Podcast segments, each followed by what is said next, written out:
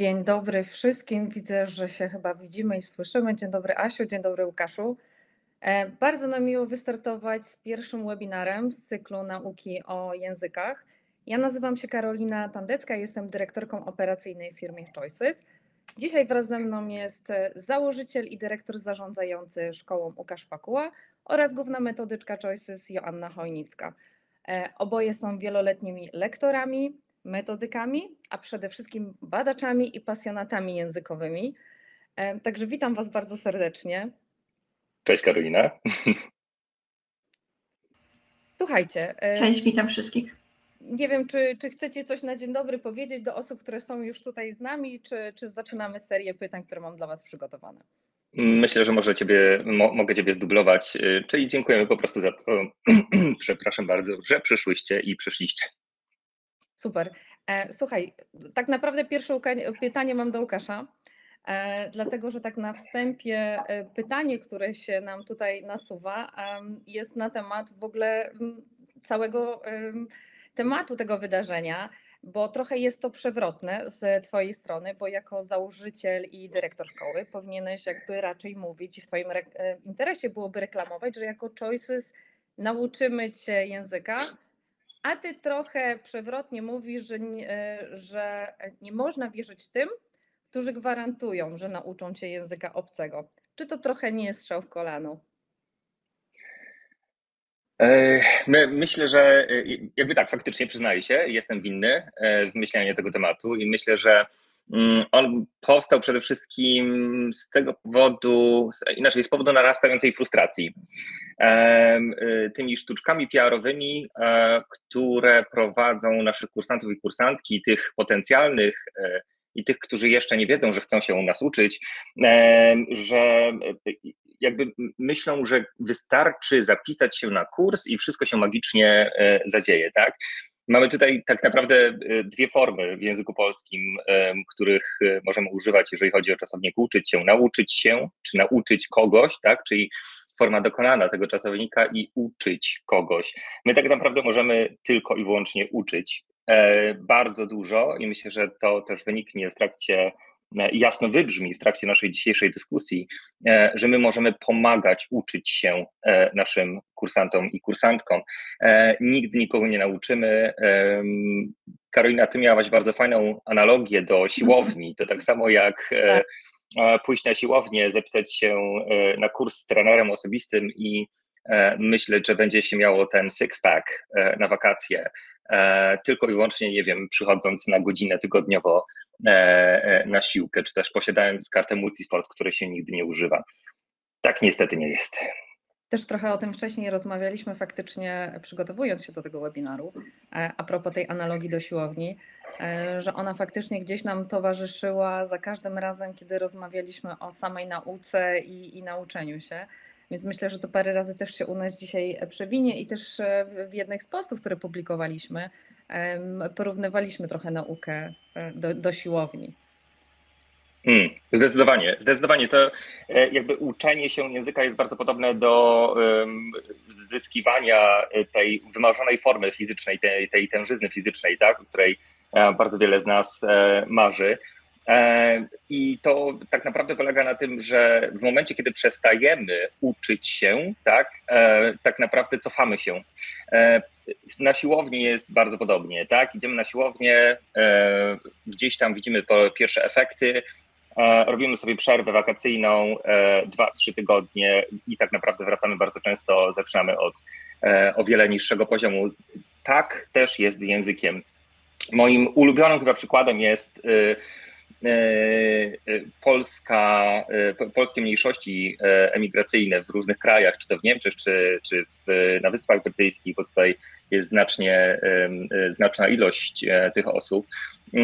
Bardzo często, kiedy takie osoby wracają do Polski po jakimś czasie nieprzebywania w naszym kraju, E, zauważymy, że mają takie wstawki, tak? Gdzieś e, ktoś e, używa słowa z spolszczonego anglicyzmu, czy spolszczonego niemieckiego słowa. Wtedy mówimy, ach, tyle już byłeś w tym kraju, pewnie zapomniałeś swojego własnego języka, tak? I tak naprawdę to są takie złośliwości, które wynikają z naszej ignorancji wobec wiedzy językoznawczej. E, języki w naszej głowie zawsze konkurują, tak? Języki zawsze mm, chcą e, być tymi pierwszymi. I w momencie, kiedy przestajemy jakiegoś języka używać, nawet naszego e, języka matczynego, no to wtedy go po prostu zapominamy. I tak jest też oczywiście tym bardziej z językiem z językiem obcym. Widzę, że Asia kiwa głową, więc może przekażę jej teraz pałeczkę. Ja właśnie Dziękuję, bo ja już tutaj siedzę. Tak. Tak, ja chciałam w ogóle Ciebie o, o, to dopytać, bo my też o tym miałyśmy e, konwersację, że to jest trochę stereotyp, prawda? Że, że jak już mieszkasz za granicą i, i wplatasz te słowa, e, albo uczysz się wielu języków. I to jest tak naprawdę głównie pytanie do Ciebie, bo Ty jesteś osobą, która, e, przypomnij, włada sześcioma językami i w tym trzema w tym momencie cały czas operujesz w swoim życiu codziennym i, i pytanie, jak to wygląda u Ciebie. Wydaje mi się, że błędem jest postrzeganie tego jako jakiegoś deficytu albo jakiegoś problemu. To tak naprawdę jest po prostu normalna praktyka językowa, e, która różni się e, i to jest e, jakby oczywisty rezultat tych sytuacji życiowych. Tak? Oczywiście, że jeżeli nasza, nasza sytuacja życiowa różni się od osób, które na przykład mieszkały w Polsce całe życie, no to te praktyki językowe również będą się różnić i to jest coś, co Karolina też wiesz z własnego doświadczenia, ponieważ w momencie, kiedy w codziennym życiu spotykamy się z pewnymi, z pewnymi wzorcami, tak? To są tak naprawdę bardzo powtarzalne wzorce, które, które powtarzamy codziennie, bo kiedy idziemy na przykład na zakupy, no to są to tak, takie, takie pewne schematyczne wyrażenia, których używamy. E, w rozmowie na przykład z ekspedientką czy, e, czy z jakimś klientem, jeżeli to my właśnie jesteśmy e, usługodawcą czy usługodawczynią. Więc oczywiste jest, że nie będziemy sobie tych, tych wzorców, tych, tych schematów tłumaczyć na nasz własny język, tylko po prostu będziemy w nich funkcjonować. I, i to, to sprawia, że na nasz własny język jest nam czasem troszeczkę trudno przetłumaczyć to, co dla nas jest codziennością mieszkając w innym kraju. A jeszcze chciałam wrócić do tego, dlaczego e, jest to dość nietrafione, żeby używać tego trybu dokonanego, nauczyć się języka, e, właśnie w odniesieniu do uczenia się języków obcych. Jest to oprócz tego, co mówił Łukasz, że, że jednak nauka języka jest w pewnym sensie również pewnym ćwiczeniem, tak jak ćwiczenia na siłowni, tak? I musimy te ćwiczenia odbywać codziennie, codziennie bądź bardzo regularnie, żeby mieć jakieś efekty, ale wiąże się to również z tym, że sam język się zmienia, rozwija i um, nawet jeżeli, e, nie wiem, w jakimś e, e, scenariuszu, gdzie rzeczywiście uważamy, że już nauczyliśmy się jakiegoś języka obcego, bo naprawdę potrafimy, nie wiem, znamy wszystkie słowa, które w nim istnieją. Oczywiście nie jest to możliwe i nie znamy wszystkich słów nawet we własnym języku, to nadal ten język wzbogaca się, rośnie o nowe słownictwo, nowe terminologie, ponieważ rozwija się również nasz świat, rozwijają się technologie, z których korzystamy. Tak naprawdę te nasze horyzonty bezustannie się poszerzają. Język również nie stoi w miejscu. Tak? I to jest też coś, co, o czym troszeczkę za, zapominamy, że e, tak, jesteśmy troszeczkę sfrustrowani, bo uczyliśmy się francuskiego 10 lat temu i już nic nie rozumiemy. Tak? E, jest to e, również oprócz tego, że nasze umiejętności językowe troszeczkę zanikają, tak jak mówił Łukasz, to drugim czynnikiem jest to, że ten język też się zmienia, rozwija i e, w ciągu nawet 10 lat ta zmiana może być bardzo um, gwałtowna i bardzo um, mocna, ze względu na to, że nasz świat idzie do przodu bardzo, bardzo szybko. No to Zdecydowanie, jest... ja jeszcze. Mhm. To jest chyba też to, że ten, e, jak mówimy o języku, że to się, wiecie, no pojawiają młodzieżowe słówka, chyba co roku jest zrobiony taki ranking, które słowo w tym momencie było najpopularniejsze. E, chyba w tym roku wydaje mi się, że e, wygra słowo Bambi, którego bardzo długo nie znałam znaczenia. I, I, myślę, że to właśnie to też jest tak z językami obcymi, tak? Że każda kultura hmm. ma swoje takie um, slangowe wkładki, powiedzmy, i, i niekoniecznie jesteśmy w stanie zrozumieć kontekst. Tak, zdecydowanie. E, jakby kiedyś tam pamiętam był śpiulkolot, kiedyś e, było też XD, tak, jako słowo. E, już pomijając to, dla, dlaczego tak kapituła języka polskiego decyduje, to jakby ze, z własnego podwórka doktorskiego leksykograficznego, czyli nauki zajmującej się słownikami, zawsze mówimy, że kiedy słownik jest wydany, on już jest przestarzały bo w momencie, kiedy ten słownik jest wydawany, już w tym procesie wydawniczym dochodzą do danego języka nowe słowa, tak? Czy y, są różne powody tego, tak? Czasami e, widzimy te słowa z innych języków jako słowa, które lepiej oddają znaczenie. E, czasami jest też tak, że mamy e, tak zwane lexical gaps, czyli jakieś takie ubytki w nazywaniu rzeczy, czyli tak, tak zwane jakby znamy pojęcie, natomiast nie jesteśmy w stanie tego zmaterializować w postaci słowa, tak?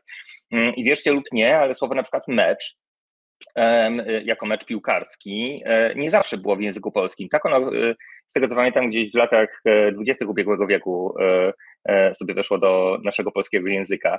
I takich słów jest bardzo dużo, tak? Czy wyobrażamy sobie na przykład, żeby, nie wiem, na last minute mówić teraz, nie wiem, ostatnia minutka, tak?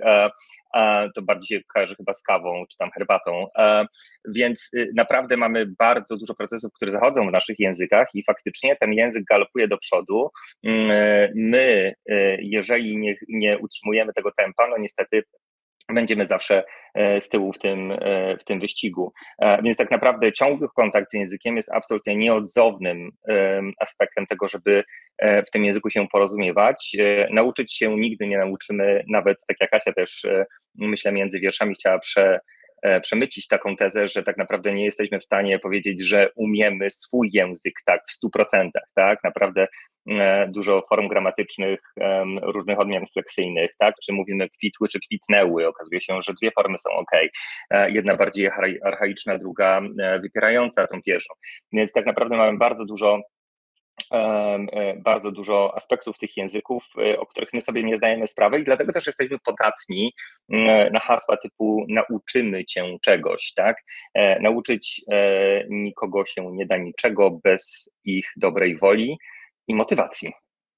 Okej, okay, czyli to tak naprawdę o tym, o czym teraz rozmawialiście i opowiadaliście, to trochę jest ta filozofia, o której też gdzieś było wspomniane w naszej agendzie, E, czyli lifelong learning. Mm. Trochę też do tego wracamy, nie? że jakby ciągła nauka i ciągle powtarzanie pewnych rzeczy. Asia, chcesz trochę więcej coś o tej filozofii nam jeszcze opowiedzieć? Jak najbardziej, bardzo chętnie. E, jest to filo filozofia uczenia się przez całe życie, która też troszeczkę ma związek właśnie z tym, jak szybko zmienia się nasz e, świat i jak szybko przed do przodu. Być może kiedyś e, ta filozofia nie miała aż tak dużego zastosowania, znaczy ja bym twierdziła, że jakby zawsze ma zastosowanie, natomiast być może e, były rzeczywiście takie czasy, być może jest to jakaś idealizacja, e, że uczyliśmy się jednego zawodu, który później wykonywaliśmy przez całe życie. W dzisiejszych czasach już tak, tak nie jest i myślę, że już osoby z naszego pokolenia, a na pewno osoby z, kolejnych pokoleń będą musiały uczyć się nowych zawodów, nowych umiejętności, nowych skilli tak naprawdę całe życie, ze względu na to, znowu powtarzam, jak szybko rozwijają się technologie. Tak? E, wydaje mi się, że te technologie no, nie, jednak nie rozwijały się tak szybko w, w czasach, kiedy pokolenie naszych rodziców było w naszym wieku.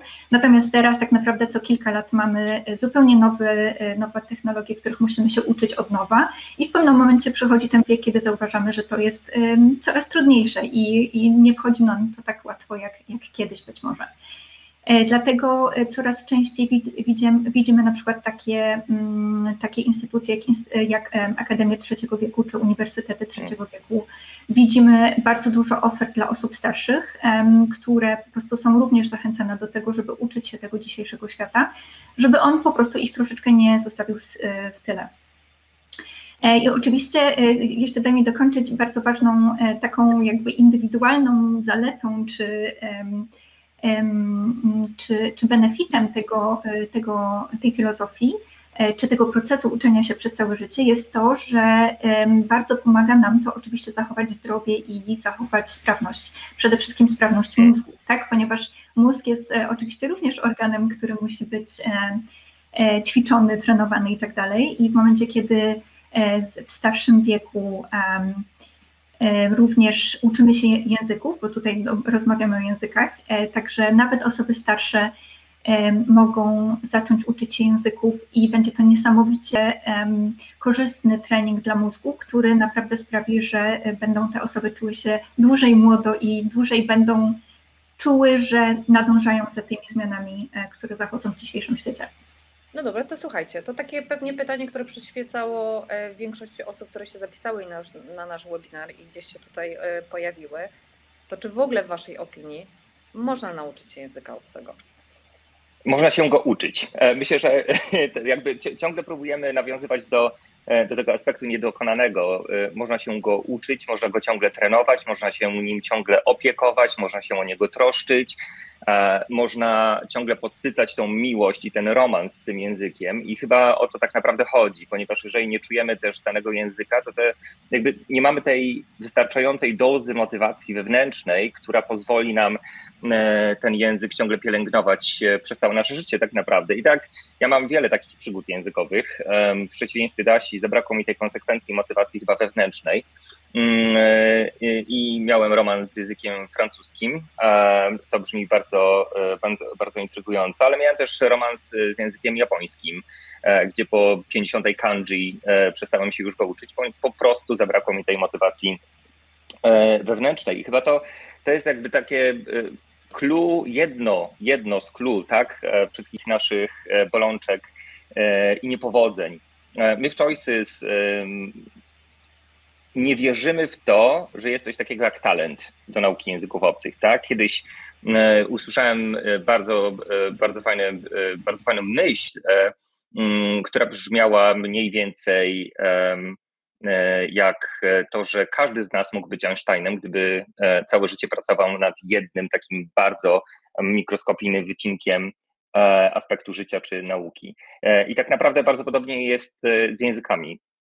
Asia z racji, z racji swego, swego zawodu, czyli raz, że Head of Studies w Choices to jeszcze językoznawczyni, która podróżuje tak naprawdę po całym świecie i naucza o językach. No to druga sprawa jest też taka, że jeżeli mamy E, tak naprawdę tą motywację wewnętrzną, to ta motywacja wewnętrzna będzie nas ciągnęła do tego, żeby ten język ciągle mm, gdzieś tam sobie e, kultywować.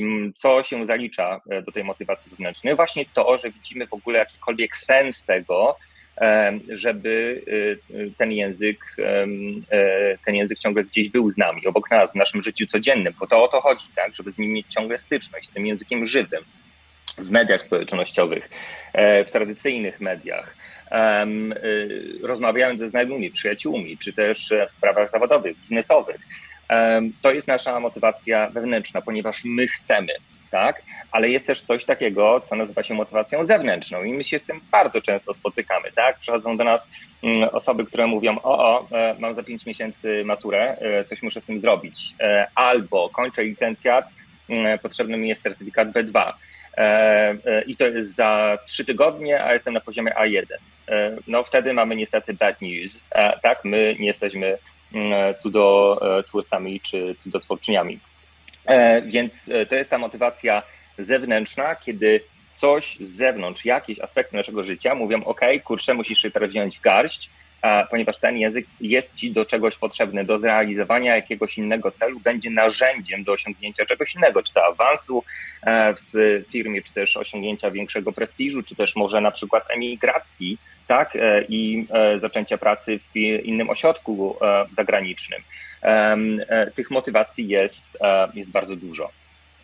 ja może jeszcze tylko szybko wrócę do, bo myślę, że Karolina troszkę troszkę chciałabym, żebyśmy powiedzieli takie hasło, które, e, które ja już powiem, chociaż ja nie jestem e, panią od marketingu i bardzo źle się w tym odnajduję, ale jest to coś, w co, w co też wierzę.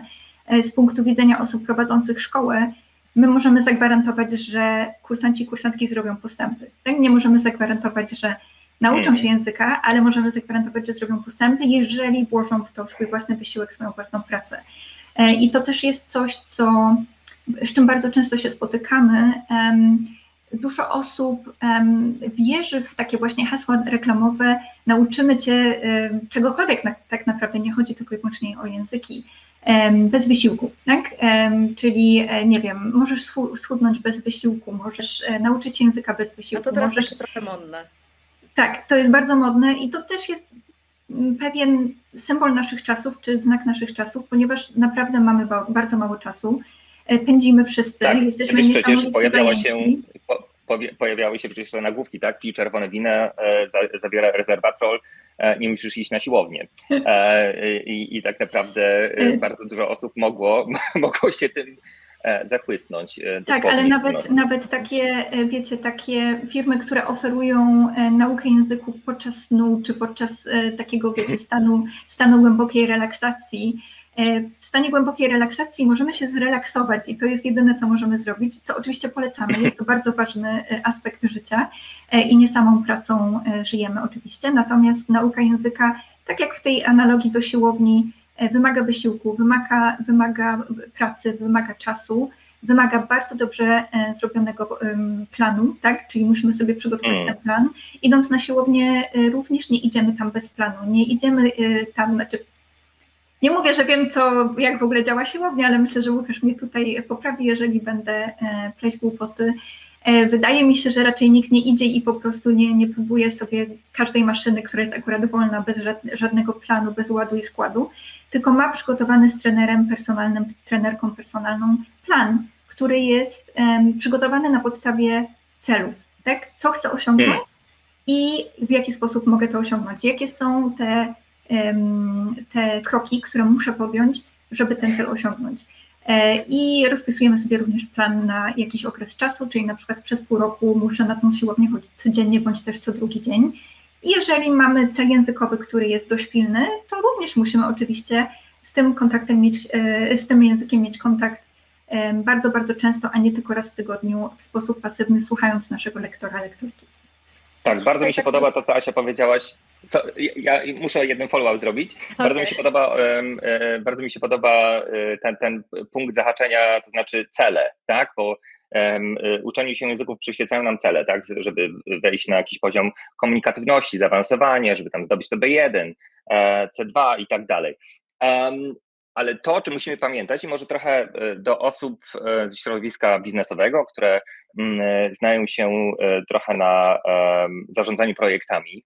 Mm, jest taka e, zasada, która nazywa się SMART, tak? czyli te wszystkie nasze cele muszą być smartne, czyli muszą być specific, measurable, attainable, relevant i time-bound, czyli musimy pamiętać, żeby one tak naprawdę były bardzo realne, namierzalne, namacalne i żebyśmy byli w stanie sobie wyznaczyć tak naprawdę w jakiejś um, czasoprzestrzeni, kiedy chcemy co osiągnąć, tak? Dla osób, które teraz e, jakby pracują w nowych technikach zarządzania projektami, możemy sobie też przywołać takie narzędzie, które nazywa się Scrum, tak? czyli musimy implementować bardzo szybko w małych odstępach czasu małe, małe porcje wiedzy czy małe e, porcje know-howu e, z danej dziedziny realizacji projektu. Tak? Bardzo ważne jest to, Mm, żebyśmy tak naprawdę czuli, e, nawet w małych odstępach czasu, że coś się już zaczyna z tym językiem dziać. Tak? Jeżeli odwlekamy sobie ten plan na e, nigdy nie nadchodzące e, jutro, e, to będzie, będzie to bardzo, bardzo duża bolączka dla naszej motywacji. E, często się spotykamy też z takimi przypadkami, które są tak, tak naprawdę takimi klisze, takimi komunałami, są notoryczne, znaczy nie mam czasu, muszę przełożyć zajęcia i tak dalej, i tak dalej. Do osób znowuż, które zarządzają projektami, zróbcie sobie analizę SWOT, e, z, e, pomyślcie, e, jakie są plusy, minusy danej, danego przedsięwzięcia językowego. Zróbcie sobie jakieś plany alternatywne w momencie, kiedy musicie odwołać zajęcia, uzgodnijcie to ze swoim lektorem, lektorką i tak dalej, i tak dalej. E, mamy też e, e, pytania od jednego z uczestników, czyli najważniejsze umiejętności do panowania podczas nauki języka obcego. Myślę, że te umiejętności zawsze są wyznaczane przez twojego lektora i twoją lektorkę, tak, w zależności od tego, kto prowadzi twoje zajęcia. I to zawsze będzie spersonalizowane, natomiast nic nie zastąpi tej radości, tej euforii, kiedy w końcu, e, nie wiem, idziemy do niemieckiego e, La Boulangerie we Francji i zamówimy sobie fajną bagietkę i pani zrozumie nie będzie myślała, że chce zamówić kawę ze śmietaną, tak? E, więc myślę, że te zdecydowanie te, te cele takie namacalne, bardzo przyjemne są świetnym prognostykiem, jeśli chodzi o naszą motywację. E, i do tego Was e, bardzo zachęcamy. E, to, co mówiła Asia, to, co my możemy zrobić i zagwarantować, to to, że my będziemy w pełni zaangażowani, w pełni zmotywowani do tego, żeby was motywować, tak? E, mówię to oczywiście z perspektywy lektora, e, czy też osoby prowadzącej takie zajęcia językowe. To, na ile nam się uda w was tę motywację wzbudzić, czy też po, podtrzymać, żeby ona się ciągle żarzyła, no to już jest praca bardzo interaktywna, bardzo dynamiczna i e, coś, co jest e, wynikiem, e, na który bardzo duży wpływ macie właśnie wy. Czy wiesz, to mi się od razu takie trochę dwie anegdoty przypomniały a propos hmm. tego wszystkiego, co mówiłeś, tak? Czyli o tej motywacji. To po pierwsze, żeby też, to też trochę ty mi uświadomiłeś, tak? No bo dużo powiedziałeś o motywacji zewnętrznej, czyli mamy jakiś egzamin, hmm. certyfikat, tak? Matura, studia, e, czy wyjeżdżamy za granicę, ale też e, ty mi uświadomiłeś, jaka była moja motywacja i ona była bardzo skryta i wewnętrzna, bo to chodziło o to, że jeden z moich ulubionych seriali, który e, chciałam oglądać, wychodził w wersji anglojęzycznej najpierw i dopiero zanim pojawił się lektor i, i napisy, to, to minęło na tyle dużo czasu, że ja się nie mogłam doczekać kolejnego odcinka. i, i, nauczyłam się słownictwa medycznego przy okazji. Dlatego hmm i chciałam oglądać ten serial jak najszybciej, więc nauczyłam się oglądać go w oryginale, co teraz już akurat jest trudno oglądać w tym języku naszym tłumaczonym. Więc to taka moja wewnętrzna motywacja, tak? I my o niej też dużo mówimy tutaj, bo, bo to jest ważne.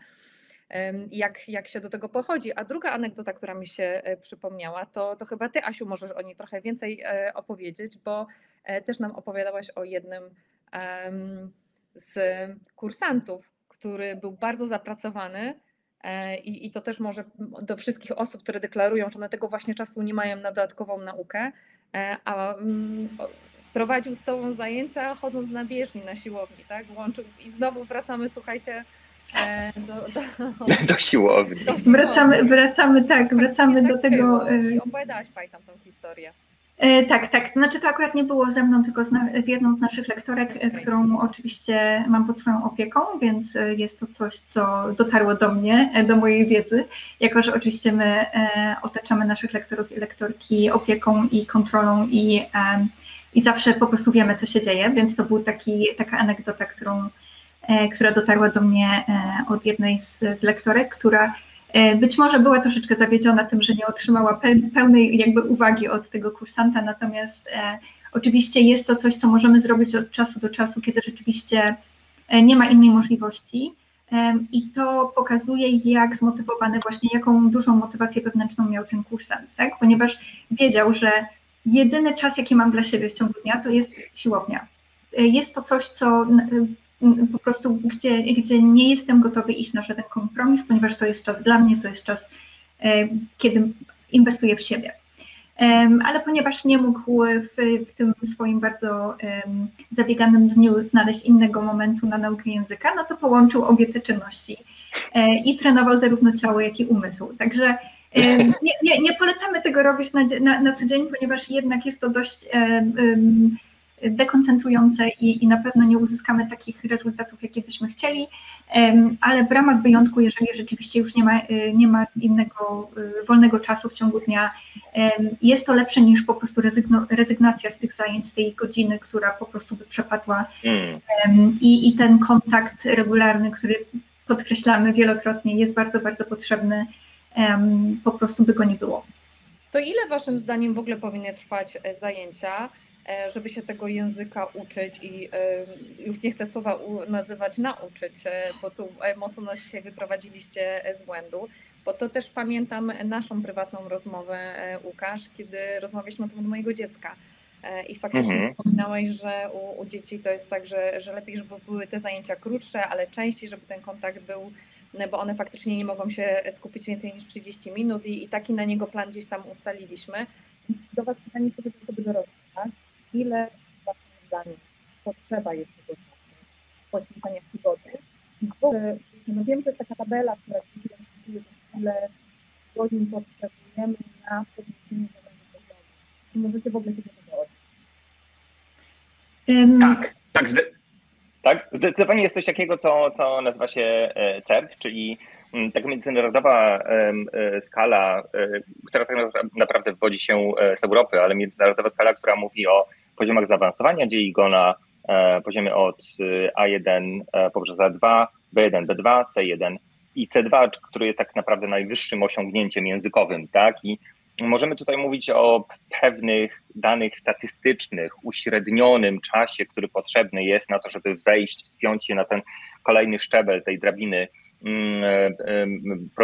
biegłości językowej, tak? Mówimy tutaj o około 200 e, godzinach, e, żeby zdobyć poziom A2, później 300, 400, e, na kolejny poziom 500 do 700, na kolejny, tak? W zależności od tego, inaczej. Im dalej w las, tym więcej drzew i tym więcej, tym więcej godzin, które musimy przeznaczyć na to, żeby się mm, tym językiem zaopiekować, żeby on tak naprawdę znowuż to wskakiwał na kolejne E, poziomy biegłości językowej. Natomiast nie możemy o tym e, zapomnieć, że to są e, godziny tylko i wyłącznie pracy z lektorem czy pracy podczas kursu. Zawsze musimy o wiele więcej tego czasu poświęcić na to, żeby zająć się tym językiem w czasie wolnym, tak, czy w ogóle w czasie pozakursowym, tak. To jest naprawdę cały clue tego, żeby opanować język. To znaczy możemy mieć dostarczone jakieś takie korowe E, wiadomości na kursie językowym, natomiast my, jako kursanci i kursantki, sami jesteśmy odpowiedzialni za los tych wiadomości, tego, tego know-howu językowego, który jest nam przekazywany podczas zajęć. Im bardziej jesteśmy zainteresowani, zafrapowani, um, zakochani w tej podróży językowej, tym bardziej wydajni na pewno będziemy. Mm, oprócz e, Cefru, który e, też możemy później Państwu e, przesłać linki, mamy to wszystko opisane na swojej stronie, jest też mm, coś takiego, co opracował nasz partner językowy, czyli PSN, a coś, co się nazywa Global Sky of English. I to tak naprawdę jest bardziej taki granularny, taki bardziej wysublimowany mm, widok na to, jak ten postęp językowy wygląda. Mamy tutaj większy podział na umiejętności językowe, i bardziej jesteśmy w stanie zbenchmarkować to tak naprawdę w odwołaniu do poprzedniego poziomu, e, jak, e, jak dużą progresję językową uzyskujemy. Tak? A więc jeżeli chodzi o godziny, naprawdę możemy mówić o jakichś statystykach, o uśrednieniach tych wyników, tak? o jakichś wyidealizowanych założeniach, natomiast to naprawdę, i to jest prawda, która może boleć, to się różni. Po prostu to się różni. Czyli wracamy znowu do edukacji. Tak, wydaje mi się, że y, tak naprawdę odpowiedzią na bardzo wiele z pytań, które już padły zarówno od Ciebie, Karolina, jak i na czacie. Tutaj są na przykład y, pytania o ulubione metody, czy jakie są umiejętności, które trzeba um, opanować, czy, czy też jakie kroki trzeba podjąć. Najłatwiejszą, a i tak naprawdę niestety naj, najbardziej prawdziwą i, i właściwą odpowiedzią jest to zależy. Hmm. I my bardzo stawiamy na indywidualne podejście do kursanta i kursantki, ponieważ to jest naprawdę e, niesamowicie uzależnione od e, motywacji, o których już wspomnieliśmy, e, od celów, ale również od umiejętności, od tego, jak ta osoba lubi się uczyć, bo też oprócz tego, że są pewne metody, które są ustandaryzowane, są też style uczenia się, e, które hmm. są również bardzo indywidualne i każdy z nas i każda z nas e, uczy się troszeczkę inaczej. E, te style nauki również musimy wziąć pod uwagę, planując kurs z naszym kursantem czy kursantką. Niektórzy wolą słuchać, tak, inni wolą czytać. Ja na przykład uczę się czytając, inni wolą właśnie słuchać czy, czy rozmawiać, także to są bardzo, bardzo zindywidualizowane sprawy.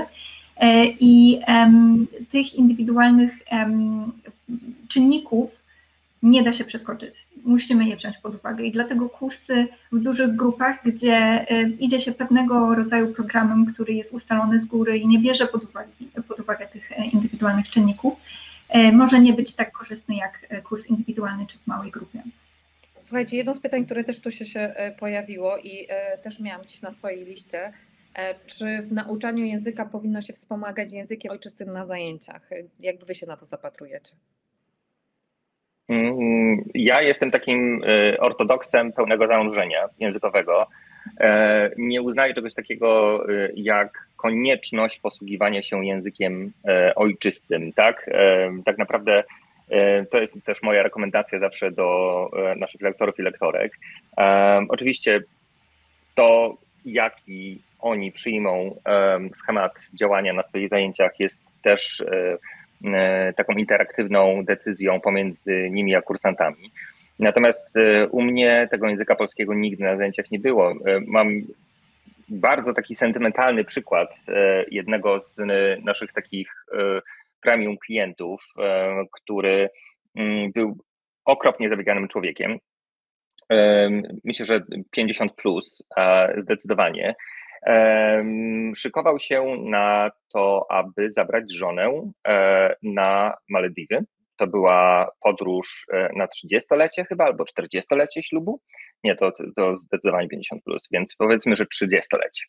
A więc e, i to, co, to, to, tą niespodziankę, którą e, on szykował dla swojej żony, to to, że on będzie się jakby w stanie porozumieć i wszystko ogarnąć podczas tej podróży językowo, tak? Od check-inu, a poprzez y, komunikację z, ze stewardami, stewardessami w, na pokładzie samolotu, hotel, zamawianie kolacji itd., tak itd. Tak e, no i cóż, problemem tutaj faktycznie był poziom, to był poziom taki nikły A1. E, to, co my zrobiliśmy, to e, uwaga, i to naprawdę jest możliwe, metoda pełnego zanurzenia, a nawet w przypadku kursu online'owego. Znaczy od pierwszych, y, pierwszych godzin zajęć e, ten kursant miał za zadanie mm, robić bardzo dużo praktycznych, wykonywać bardzo dużo praktycznych ćwiczeń. To były ćwiczenia typu e, słuchaj, musisz zadzwonić do hotelu, poprosić o to, żeby przynieśli ci butelkę szampana do pokoju. E, spróbuj zadzwonić do restauracji, zabukować sobie stolik mm, i powiedzieć, czego oczekujesz, tak? I tak dalej, i tak dalej. I E, my to e, jak najbardziej wykonywaliśmy. To był bardzo intensywny kurs. My się spotykaliśmy wtedy, pamiętam, dzień w dzień, codziennie, nawet w weekendy. E, I jakby takim, zawsze tak jak mówiliśmy, że te, te cele muszą być mierzalne, namacalne, muszą, muszą być satysfakcjonujące i zawsze próbowałem przynajmniej raz na dwa, trzy tygodnie E, wyrywać tego kursanta z światu, e, ze świata online do świata rzeczywistego. E, no i na przykład prosiłem go o to, żeby bukował stolik w restauracji. Później szliśmy do tej restauracji, wiedząc, że tam jest obsługa anglojęzyczna, zabierałem go w konkretne miejsca, tam zamawiał z menu, my rozmawialiśmy tylko i wyłącznie w języku angielskim podczas, podczas tych spotkań i to było coś niesamowitego, kiedy faktycznie wysłał mi smsa ze swojej podróży i powiedział, Łukasz, udało się. To było niesamowicie, niesamowicie satysfakcjonujące, gratyfikujące również i dla mnie, ponieważ tak naprawdę pokazało to, że, że wszystko jest możliwe. Tak? W każdym wieku E, nie ma czegoś takiego jak e, fajtłapa językowa, ktoś, kto po prostu absolutnie jest odporny na języki i bez talencie, coś, czego my z Asią absolutnie nie rozumiemy e, i, i mamy bardzo negatywny stosunek do, do tego pojęcia. Mm. To pojęcie chyba się dość często też pojawia, tak, że nie ma się zdolności językowej, ale myślę, że nie będziemy mm. się tutaj bardziej o tym rozwijać, bo na to przeznaczyliśmy osobny webinar, bo temat jest tak duży i głęboki można o nim faktycznie kolejną godzinę gdzieś dyskutować. Więc e, chyba tu Was e, chwilę trochę zastopuję, jeśli chodzi o, o, o tą dziedzinę. E, bardziej jakby wróćmy, słuchajcie, do tego, jak jest w ogóle z tym uczeniem się. Czy, czy w ogóle macie jakąś metodę, którą Wy preferujecie i która Wam się sprawdzała przez te lata wszystkie? Myślę, że Asia już po części e, próbowała odpowiedzieć na to pytanie, może trochę je wyprzedzając. To znaczy, że dobry lektor czy dobry lektor, e, dobry lektor dobra lektorka mają tak duży wachlarz kompetencji e, i tego know-how metodycznego, nauczania języków, że są w stanie zawsze wybrać z różnych takich bardziej ortodoksyjnych metod to, co jest najlepsze w danym momencie dla e, potrzeb danego kursanta czy danej kursantki. I to jest chyba e, bardzo ważny, jakby coś, na co rekrutując e, naszych lektorów i lektorki zwracamy uwagę, tak? Znaczy ta elastyczność w dobieraniu narzędzi nauczania języka obcego, tak?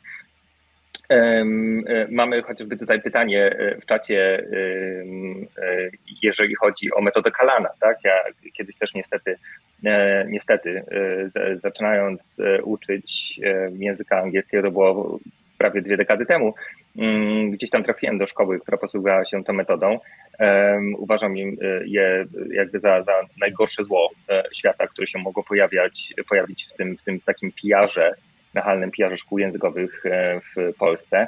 E, nie mamy chyba czasu na to, żeby odpowiedzieć dlaczego, no ale jeżeli sobie przejrzycie książki czy podręczniki nauczania metodą Kalana, to zrozumiecie dlaczego. Zrozumiecie, że język sprzed 4 czy 5 dekad nie jest najbardziej adekwatnym językiem, czymś, czego tak naprawdę pragniemy i oczekujemy od kursu językowego. Więc czy użyjemy metody komunikatywnej, czy będziemy używać metod dedukcyjnych czy indukcyjnych, tak? czyli chodzi o domyślanie się, czy E, potocznie mówiąc, wykminianie tych zasad gramatycznych, które rządzą danym językiem, e, no to tak naprawdę wszystko zależy od prowadzącego e, i zależy też od tego, jaką świadomość językową, mm, jaką spostrzegawczość ma dany kursant czy też kursantka. Tak? Możemy, tak jak wcześniej wspomniałem, używać też e, narzędzi z zarządzania projektem, tak, żeby kogoś zainteresować, żeby kogoś zaintrygować bardziej. E, możemy kogoś właśnie wystawiać na e, różne bardziej czy mniej hardkorowe sytuacje komunikacyjne. To wszystko zależy od tego też, jaki poziom takiego angstu językowego tak, ktoś sobą prezentuje. Nie chcemy kogo, nikogo zrazić, ale na przykład, jeżeli ktoś lubi wyzwania, lubi challenge, no to te, te challenge możemy jak najbardziej prezentować na tych zajęciach. Jeżeli ktoś bardziej potrzebuje takiej um, opieki językowej na tych zajęciach, na tych początkowych e, e, początkowych zajęć, początkowych godzinach, tak, czy pierwszych godzinach e, kursu językowego, to też to powinniśmy zagwarantować. I tak jak Asia mówi, to wszystko zależy, ale to powinno też zależeć od kompetencji, know-howu i profesjonalizmu osoby prowadzącej te zajęcia. Jeśli jeszcze mogę dodać odnośnie Twojego, Karolina, pytania dotyczącego używania języka ojczystego na zajęciach. E, wydaje mi się, że troszeczkę ma to związek z jakimś takim przekonaniem, które ma, ma wiele osób, że języki są wobec siebie idealnie e, ekwiwalentne. Mm. Czyli jakby możesz powiedzieć dokładnie to samo w jednym języku, co w drugim. I tak naprawdę mm. nauka języka obcego polega na tłumaczeniu. I to jest, y, wiecie, metoda sprzed 100 lat.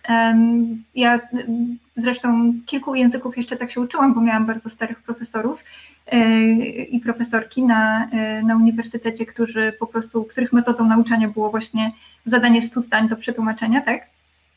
E, co oczywiście absolutnie się nie sprawdza i, e, i już wtedy było bardzo, e, bardzo przestarzałą metodą, ponieważ każdy język jest też innym systemem myślenia, jest inną kulturą, jest innym sposobem postrzegania świata. I oczywiście te, to tłumaczenie jest możliwe do jakiegoś tam stopnia, natomiast żadne tłumaczenie nie będzie perfekcyjne, jeżeli chodzi o kontekst zajęć językowych. I my chcemy doprowadzić do takiej sytuacji, że kursanci i kursantki po prostu zaczynają myśleć w tym języku docelowym, a nie myślą w języku ojczystym i tłumaczą sobie, tak? Bo to oczywiście prowadzi do błędów, prowadzi do kalek, prowadzi do kalek językowych, tak? Oczywiście. Prowadzi do, do takich um, do takich przebitek, tak? Że, że tak naprawdę mm. jakby używamy słownictwa języka docelowego, ale jakby cały schemat zdania jest w naszym języku ojczystym, ponieważ nie tłumaczymy zdaniem, tylko słowem E, słowo, słowo po słowie. Tak. Więc to są bardzo niebezpieczne rzeczy, których naprawdę trzeba nauczyć się omijać i unikać jak najwcześniej. Moim zdaniem e, uczyłam się walijskiego po walijsku, uczyłam się dolnołużyckiego po dolnołużycku od dnia pierwszego. Naprawdę jest to możliwe. E, kiedy się ogląda na przykład, możecie sobie sprawdzić nawet na YouTubie jakieś um, filmiki, tak? bo też oczywiście YouTube jest pewnym zasobem dla nas, e, z którego korzystamy. Obejrzeć sobie właśnie na przykład takie zajęcia na poziomie A1. Jeżeli już jesteśmy na troszeczkę wyższym poziomie, to nam się to wydaje po prostu absurdalne, tak? bo tam lektorka używa 10 słów, które my znamy, ale udaje jej się to, tak? Doprowadza do takiej sytuacji, mm. że ta komunikacja jest możliwa, nawet znając 10 słów. Jest to oczywiście bardzo proste, bardzo um, takie podstawowe, ale jest to możliwe i to daje niesamowitą satysfakcję w momencie, kiedy my rozumiemy w ogóle polecenie w tym języku docelowym po dwóch godzinach nauki. To jest niesamowite, tak? tak. E, I to jest możliwe I właśnie. to jest satysfakcja. To jest ta tak. satysfakcja, nie? I tak. osiągnięcie celu. E, ta, ta, metoda, o której Asia mówiła, tak e, może jest sprzed kilku dobrych dekad, a nawet stu lat, natomiast ona ciągle jest na świecie używana i tak naprawdę jak sobie popatrzymy na różne kraje, to im bardziej na wschód, e, tym więcej metody, o której właśnie Asia teraz mówiła, czyli tak zwanej grammar translation method, tak? czyli tłumaczymy różne konstrukcje gramatyczne z jednego języka na drugi, w zależności od tego, co chcemy zrobić, wtedy ta kierunkowość jest też wypracowywana.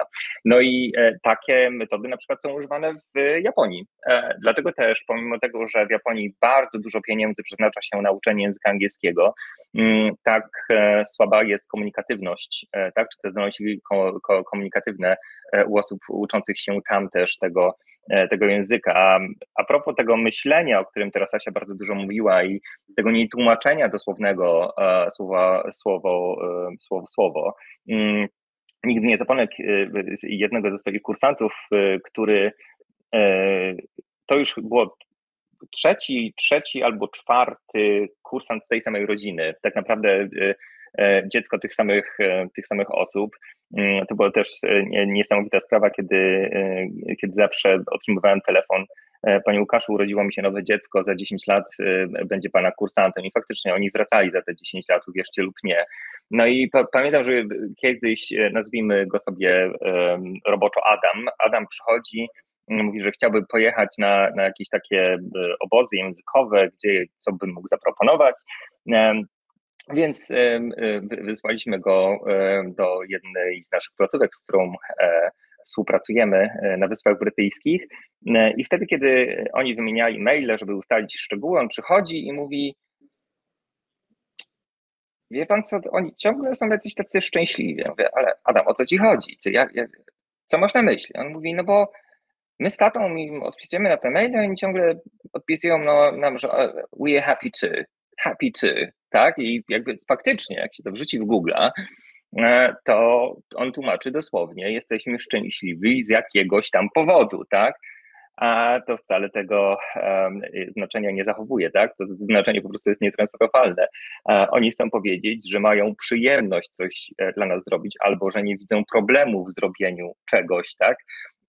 Więc to była też e, niesamowita e, e, lekcja dla niego i dla, dla jego rodziców.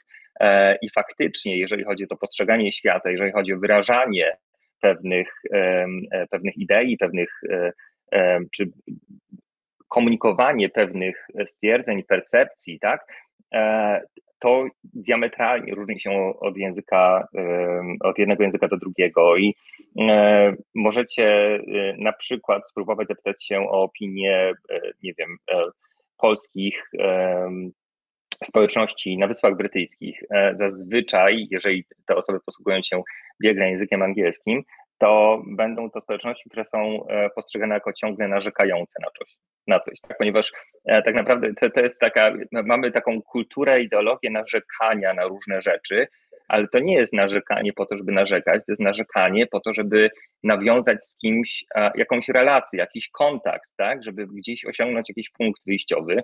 E, w UK bardziej będziemy mówili o pogodzie, tak, więc to, to, to właśnie jest też ta kultura, tak, i zrozumienie tej kultury, E, które warunkuje to, jak dobrze, jak e, e, biegle będziemy posługiwać się danym językiem obcym. A co powiedzielibyście osobom, które często do nas na przykład wracają z takim pytaniem: Ja biegle mówię, chyba nie potrzebuję, mm, jestem na tyle zaawansowany, że gdzieś ta nauka języka nie jest mi potrzebna, bo na przykład mieszkałem ileś lat za granicą.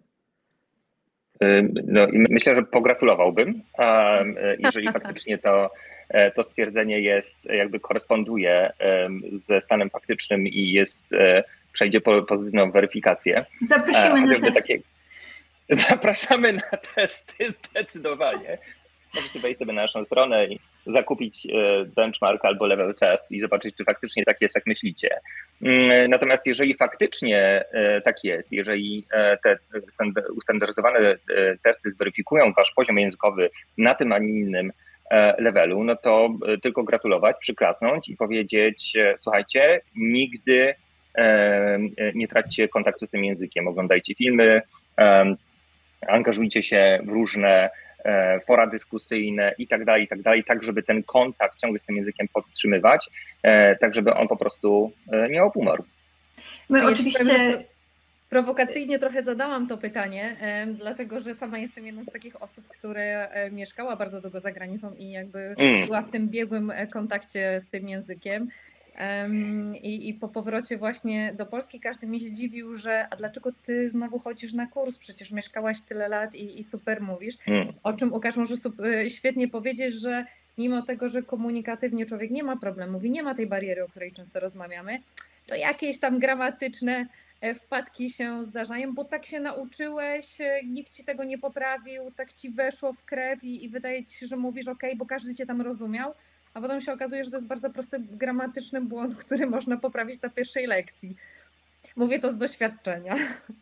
E, ale też e, osoby, które rzeczywiście biegle posługują się językiem, ale e, chcą właśnie mieć ten kontakt, o którym Łukasz mówił, też stanowią część naszych kursantów i kursantek.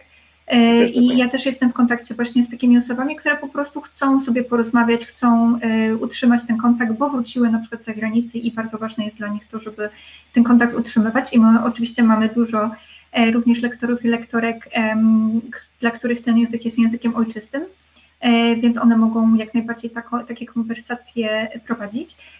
I tutaj też być może jeszcze dodam tylko króciutko do tego poprzedniego pytania, I do tego, co ty mówiłaś, Karolina, że nikt cię nie poprawiał, jeżeli powiedziałaś coś e, źle. Rzeczywiście mamy taką tendencję, na pewno macie też takie doświadczenie, że rozmawialiście, rozmawiałyście z kimś po polsku, kto nie do końca dobrze po tym polsku e, mówił, e, ale oczywiście na pewno go po prostu chwaliliście i chwaliłyście i mówicie, nie, świetnie mówisz po polsku, w ogóle nie robisz błędów. Nie mamy takiej umiejętności, takiej śmiałości, żeby poprawiać każdy błąd. E, i do tego też są potrzebne e, po prostu kursy, bo mm. jest to zadanie lektora i lektorki, żeby te błędy oczywiście w bardzo konstruktywny sposób i nie wszystkie jakby problematyzować. E, natomiast jeżeli są pewne schematy, które się powtarzają, no to trzeba nad nimi popracować. Natomiast to, to jest właśnie bardzo, bardzo częste doświadczenie osób, które mieszkają za granicą, że te błędy nie są poprawiane, ponieważ one nie są przeszkodą w komunikacji. To prawda. E. Jesteśmy w stanie się porozumieć, e, nawet mówiąc z błędami, i te błędy są po prostu nieodzownym e, elementem nauki. I też są akceptowane przez te osoby, tak jak Dokładnie tak, tak, dokładnie tak. Dlatego błędów nie należy się bać. I być może o tym też powinien być osobny webinar, ale błędy są, tak jak mówię, nieodzownym elementem nauki. Jeżeli błędów nie popełniamy, to znaczy, że coś jest nie tak. Mówimy jak jakiś robot, tak? Być może używamy, używamy jakichś, e, jakichś trików i sztuczek e, z internetu. Mm-hmm. I nie jest to coś, co, co rzeczywiście, czym możemy się pochwalić jako swoim własnym Własną tak, też fajny, słuchajcie, też mamy trochę komentarz na, na czacie, że w uczeniu języków bardzo ważny jest kontekst kulturowy, szczególnie dotyczący to języka angielskiego. Angielski w Stanach czy w UK będzie inny niż na przykład w Indiach czy Chinach. Istotnym hmm. jest w procesie uczenia zwrócić na to uwagę i dostosować proces do regionu i kontekstu. To jest też y, to gdzieś nam się tutaj właśnie przewijało. Nie? Jak, Jak najbardziej. Ale słuchajcie, Oczywiście. często też są takie filmiki e, porównujące, nie? Na przykład hmm. angielski UK i ze Stanów, że, że wiecie, że nawet na pieluchę mówi się inaczej, tak? Jest napis i diapers, tak? Czyli jakby totalnie hmm. dwa inne słowa. I nawet są takie różne właśnie zestawienia, że mówią niby w tym języku, ale nie zawsze się rozumieją. Ja to też tak jeszcze opowiem Wam historię, którą też mi się przypomniało, kiedy mój przyjaciel, e, który jest e, z Irlandii, pojechał do Stanów i, i poszedł kupić masło i nikt go nie rozumiał. Nie? To też chodziło o, i o wymowę, i o cały akcent, i, i, i trochę inną, in, inne nazywanie danego przedmiotu. Hmm. Tak, oczywiście też mhm. wspomnę, że my mamy lektorów i lektorki zarówno ze Stanów, jak i z Wielkiej Brytanii, ale też ciekawostka z Australii e, oraz FPA, e także jak najbardziej pełen wachlarz i spektrum akcentów mamy. E, I rzeczywiście osoby jak najbardziej pytają o to, tak? Proszą, na przykład chciałabym, chciałbym mieć zajęcia z kimś, kto ma e, amerykański Mhm. akcent. Jesteśmy to jak najbardziej w stanie wziąć pod uwagę. E, O australijski chyba nikt nie pyta i o szkocki na przykład tak Aczkolwiek, zwykle ludzie mówią, tylko nie Szkota albo Szkotka. aczkolwiek, aczkolwiek pamiętajmy o tym, a, jakie są statystyczne, jakie jest prawdopodobieństwo statystyczne tego, że będziemy używać swojego języka angielskiego, tego, którego się uczymy, na przykład u nas na kursach. Jakie jest prawdopodobieństwo, że akurat będziemy y, rozmawiać z rodowitym mówcą języka angielskiego? Tak naprawdę, jeżeli popatrzymy się na te statystyki, one są bardzo marne. E, W większości będzie to tak zwana lingua franca, czyli ten język międzynarodowej komunikacji pomiędzy różnymi nacjami, tak? pomiędzy reprezentantami różnych języków rodzimych.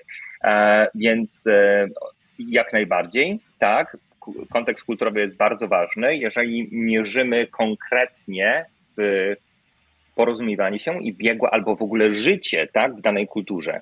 Natomiast jeżeli chodzi o taką komunikację międzynarodową, e, jest już coś takiego w metodologii nauczania języka angielskiego, w ogóle w badaniu e, angielskiego jako lingua franca, co nazywa się World Englishes, e, czyli takie między, to jest międzynarodowy angielski. Tak naprawdę zobaczcie sobie, jak wejdziecie na Wikipedię, jest też coś takiego, co nazywa się Simplified English, czyli e, uproszczony język angielski, tak? E, Dla osób, które jeszcze nie są na tej, e, na tej długości języka angielskiego, żeby czytać te wpisy w e, języku angielskim standardowym, a już się porozumiewają i komunikują w tym języku jako języku tak naprawdę transkulturowym, tak? Czyli który przeszywa wszystkie kultury, przeszywa wszystkie mm, wszystkie konteksty, w których tak naprawdę możemy się spotykać z językiem angielskim. Zobaczcie sobie na Parlament Europejski, popatrzcie sobie na międzynarodowe korporacje, tak? Bardzo często jest tak, że e, w międzynarodowych, w międzynarodowych korporacjach, gdzie językiem e, tak zwanym urzędowym czy corporate language jest język angielski, bardzo mało jest tam native'ów i native'ek. Tak naprawdę jest to język, który jest takim współczesnym Esperanto, współczesnym Esperanto, który y, nie jest sztucznym językiem, tak? E, I dlatego też warto zwrócić uwagę na to, że te e, e, językowe różnice i kulturowe różnice e, będą gdzieś tam wybrzmiewały, zatem warto też pochylić się nad kontekstem World Englishes i myślę, że to trochę nam wyjdzie podczas jednego z naszych webinarów, który już mam zaplanowany i możemy Was na to zaprosić, czyli akcent w języku, w języku angielskim, tak, e, gdzie będziemy mówić e, między innymi właśnie o tych rzeczach. Słuchajcie, niestety nieublagalnie dobiegamy końca, bo zbliża się godzina, jak e, jesteśmy. Więc tak szybko podsumowując, wnioski takie, że nie można się nauczyć, ale gwarantuję, możemy zagwarantować, że jakieś postępy zrobimy e, i będziemy jednak potrafili się w danym języku. I będziemy je monitorować i egzekwować i zawsze Was motywować a, i tryskać um, pozytywną energią na zajęciach po to, żebyście tylko uwielbiali na nie przychodzić, tak? E, Nie ma to być, e, e, nie wiem, znienawidzona matematyka czy fizyka ze szkoły podstawowej, ale coś, e, co e, znowu w cudzysłowie enjoyujecie, przychodzicie tutaj, e, żeby jakby po, po, po solidną dawkę wiedzy, ale też po to, żeby e, bardzo dobrze spędzić czas. Super. Bardzo Wam dziękuję za dzisiaj. E, Zapraszamy na kolejny webinar. Czerwiec zapowiada nam się bardzo webinarowy. Mm, Także zapraszamy na kolejny i dziękujemy za dzisiaj. Dziękujemy. Pięknie dziękujemy.